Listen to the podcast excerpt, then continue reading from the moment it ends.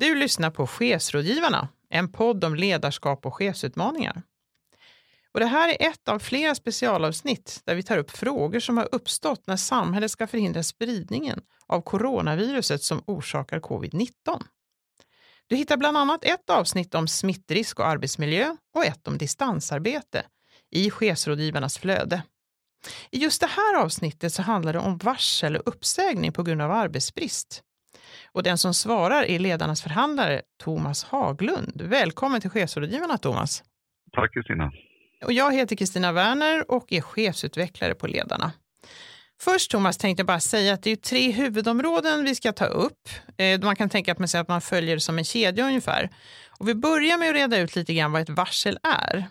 Sen så går vi in lite mer på en uppsägning på grund av arbetsbrist och hur det går till. Och till sist lite vad gäller när det gäller de här trygghetssystemen. Men vi börjar med att prata lite grann om det här med varsel. Eh, vad är ett varsel egentligen? Ett varsel är ju ett eh, besked från en arbetsgivare om att man avser att göra en förändring i sin verksamhet eh, på grund av eh, rådande omständigheter att inflödet av uppdrag och man säljer sina produkter minskar så kanske arbetsgivaren måste göra en, en förhandling då för att reglera sin arbetsstyrka. Så ett varsel är egentligen ett besked om att arbetsgivaren avser att göra en förändring. Så ett meddelande kan man säga till personalen och så? om det?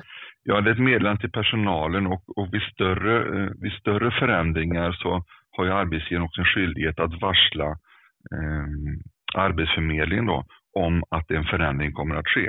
Och det finns olika varselperioder som enligt främjandelagen då beskriver hur Eh, ett varsel ska gå till då till Arbetsförmedlingen. Har man exempelvis 5 till 25 berörda arbetstagare så ska varslet då läggas tidigast då, eller senast två månader innan driftinskränkning ska ske. Har man 26 till 100 arbetstagare så är det senast fyra månader före förändringen och har man fler än då 100 berörda arbetstagare så ska varslet då läggas senast sex månader före förändringen ska ske. Okej, så det är ett meddelande att någonting kommer att hända. Och jag tänker att eh, vad händer egentligen vid ett varsel då? Ja, vid ett varsel då så påkallar ju arbetsgivaren de berörda eh, fackliga organisationerna eh, att man påkallar en förhandling, att man vill göra en omorganisation. Och där startar egentligen en process då som sedermera kan leda till att vissa medarbetare dessvärre blir uppsagda på grund av arbetsbrist. I dessa tider så är det ju, pratar man ju både om varsel och man pratar om permitteringar och, och uppsägningar och så vidare. Alltså skillnaden då på ett varsel, en permittering eller en uppsägning, vad, vad, skulle du säga att det är? Alltså en permittering är ju en aktiv handling som man kan göra för att eh, under en kortare period gå ner i arbetstid och att man gör det i syfte att behålla sin personalstyrka då man hoppas att det här nu ska vända då senare under sommaren eller tidig höst när det nu kan tänkas bli. Och det är ett sätt att bibehålla sin personalstyrka för att snabbt kunna återgå till ordinarie verksamhet igen. Eh, det är korttidsarbete. Ett varsel handlar om att man ser tyvärr då kanske ingen större utväg just nu än att man måste då eh, säga upp medarbetare i syfte att eh, säkerställa att företagets överlevnad. Så att ett varsel är ju en varning om att någonting kommer att ske och vi ser ju nu i samhället att fler och fler företag varslar sina eh, medarbetare om att man kommer att starta upp förhandlingar gällande arbetsbrist. Och eh, det är inte samma sak som att det blir exakt så som arbetsgivaren föreslår, men det är en fingervisning om allvarlighetsgraden då i förändringen som kan komma att ske. Så själva uppsägningen blir ju efter då själva varslet kan man säga. Så det blir ju den skillnaden så att säga. Mm.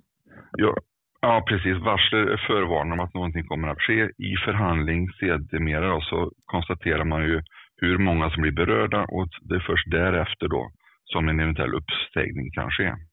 Och då kan det ju också, som jag förstår det rätt, bli så att först så sker en permittering kanske, men sen kan det också bli ett varsel då när man ser att mm. vi vet att de här kommer kanske inte kunna stanna? Eller? Ja, exakt. Det vi ser just nu är ju att många företag eh, jobbar med det här med att teckna lokala kollektivavtal då, avseende korttidsarbete i syfte att säkra att man behåller sin personal.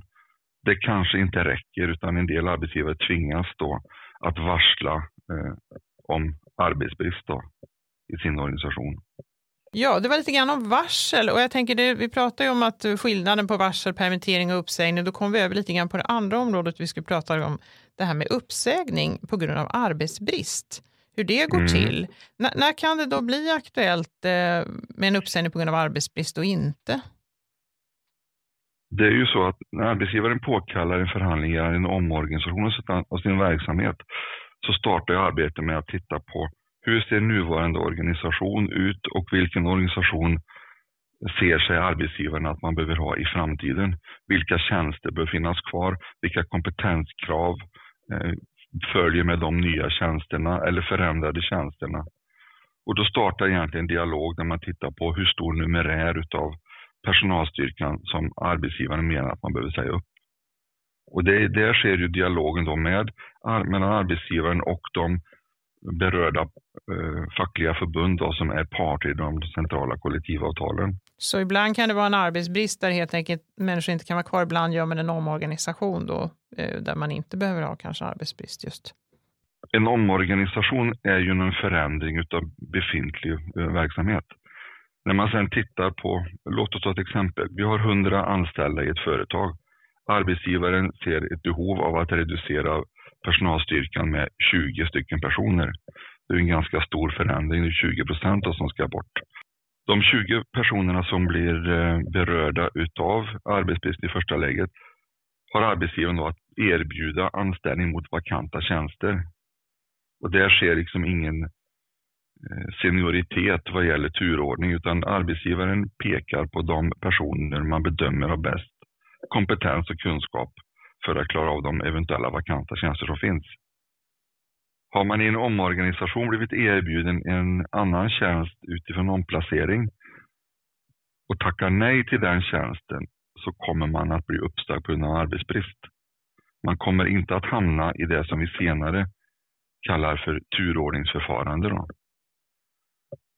Det, har man inte, det finns ingen möjlighet att hamna i det läget. Och vad är då turordning?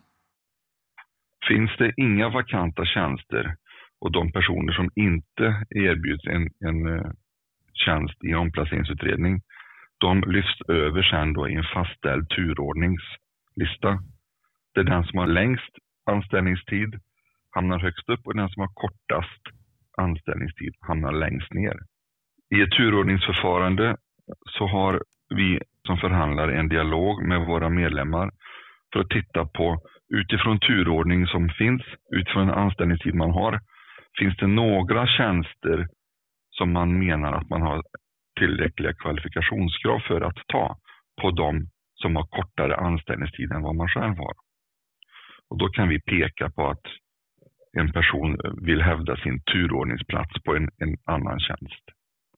Då blir också en fråga, uppfyller personen ett, har han högre anställnings, längre anställningstid än den personen som har den tjänsten idag. Och två, har personen då tillräckliga kvalifikationskrav för den tjänsten. De två kriterierna fylls. Har det personen det, då bör den personen då erbjudas den tjänsten. Just det, så där kommer in det ni tittar på. Det kommer ibland in frågor eh, till oss och till er också när det gäller det här med omplaceringserbjudandet som du var inne på. Det här med vad är, vad är ett mm. skäligt liksom, omplaceringserbjudande? Ja, det mesta kan man säga är skäligt. Eh, tittar vi på vad Arbetsdomstolen har gjort, dömt av den praxis som finns, så är det skäligt att man erbjuds en ledig tjänst i bolaget. Lagen om anställningsskydd tar inte hänsyn till vilken befattning du har, vilken lönevillkor du har, eller, utan har enbart hänsyn då till att ha en anställningstrygghet hos arbetsgivaren. Så du, i praktiken så kan du då arbeta som andra linjens chef och bli erbjuden en tjänst eh, på, inom receptionen för att det är den kanske enda vakanta tjänsten som finns i bolaget. Och då är det skäligt. Just det. Så det är själva anställningen som är, är det skäliga? Så att ja, det, mm. det, är mm. lagen om anställningsskydd som mm. LAS betyder, mm. inte lagen om löneskydd eller Nej. befattningsskydd. Nej, det är lagen om anställningsskydd. Just det. Mm. Bra. Sen kan man som, sen kan man som mer, medlem eller medarbetare har en egen uppfattning om att det här är inte skäligt. Ja, men utifrån lagens sida och utifrån som läget ser ut och praxis på arbetsmarknaden så är det mesta skäligt. Jag tänker också när det gäller själva förhandlingen då när man har blivit uppsagd mm. På grund av arbetsbrist. Och då, kan, då kan medlemmen få hjälp av, av, förhandlare, fast det är lite olika då beroende på hur det ser ut med kollektivavtal och så. Alltså har vi ett centralt kollektivavtal där ledarna är part så är det ju vi som förhandlare som företräder våra medlemmar i förhandlingen. Eh, så att, och där har ju vi då en, en ständig dialog med våra medlemmar under tiden så att man vet hur man själv blir berörd. Får man ett omplaceringserbjudande så är vi med och tittar på det ihop med medlemmen. Är det så att man då hamnar i turordningsförfarande så diskuterar vi med medlemmen vilka tjänster finns under dig i turordningslista så att säga. Vilka vill du att vi ska hävda din turordning på? Där är vi med hela vägen och för alltid en dialog med våra medlemmar. Så att man, man, får liksom inte, man blir liksom inte uppsagd och sen får hjälp, utan hjälpen får man före, under tiden. Och sen har vi en tid att hantera efter man kanske har fått ett omplaceringserbjudande. Har man tackat ja till den med de villkor som följer den nya tjänsten, och då återgår medarbetaren i arbete. Blir man uppsagd på grund av arbetsbrist så har vi haft en dialog med arbetsgivaren om hur ser villkoren ut när det är sista anställningsdag och när det är sista arbetsdag på företaget. Just det.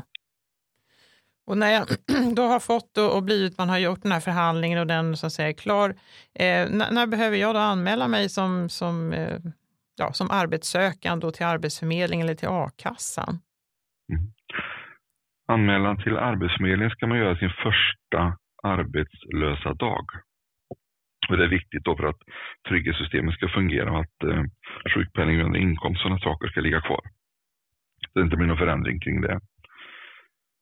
Du ska också i samband med att du anmält dig till Arbetsförmedlingen anmäla till a-kassan att du har blivit uppsagd på grund av arbetsbrist och att du har då anmält dig till Arbetsförmedlingen.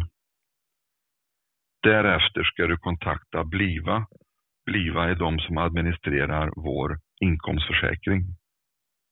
Så att det, är, det är en kedjereaktion där. Så först Arbetsförmedlingen, sedan till ledarnas a-kassa och därefter till Bliva gällande inkomstförsäkringen. Just det. Och då, är det, då anmäler jag det själv och är det något, något dokument eller någonting som jag ska fylla i, någon blankett på deras hemsida? Eller? Eh, I samband med att man anmäler sig till Arbetsförmedlingen, att man är blivit uppsagd och att man är arbetssökande, så får man då en bekräftad kvittens på det. Dokument ska sedan bäras emellan Arbetsförmedlingen, a-kassan och Bliva. Det finns också dokument som hanterar mellan Bliva och a-kassan, att de får kontakta varandra. Men det, det, jag råder alla medlemmar som blir berörda och som kanske söker information att gå in på ledarna.se och ta del av den information som finns där. För där finns det väl beskrivet då, de olika skeendena och vad man bör tänka på.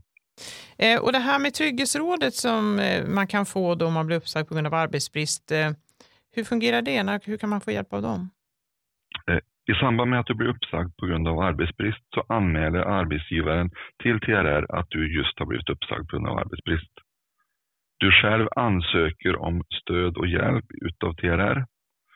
Anmälan och ansökan knyts ihop på TRR och en, en separat coach på TRR utses och kommer att kontakta dig för att göra upp med dig då.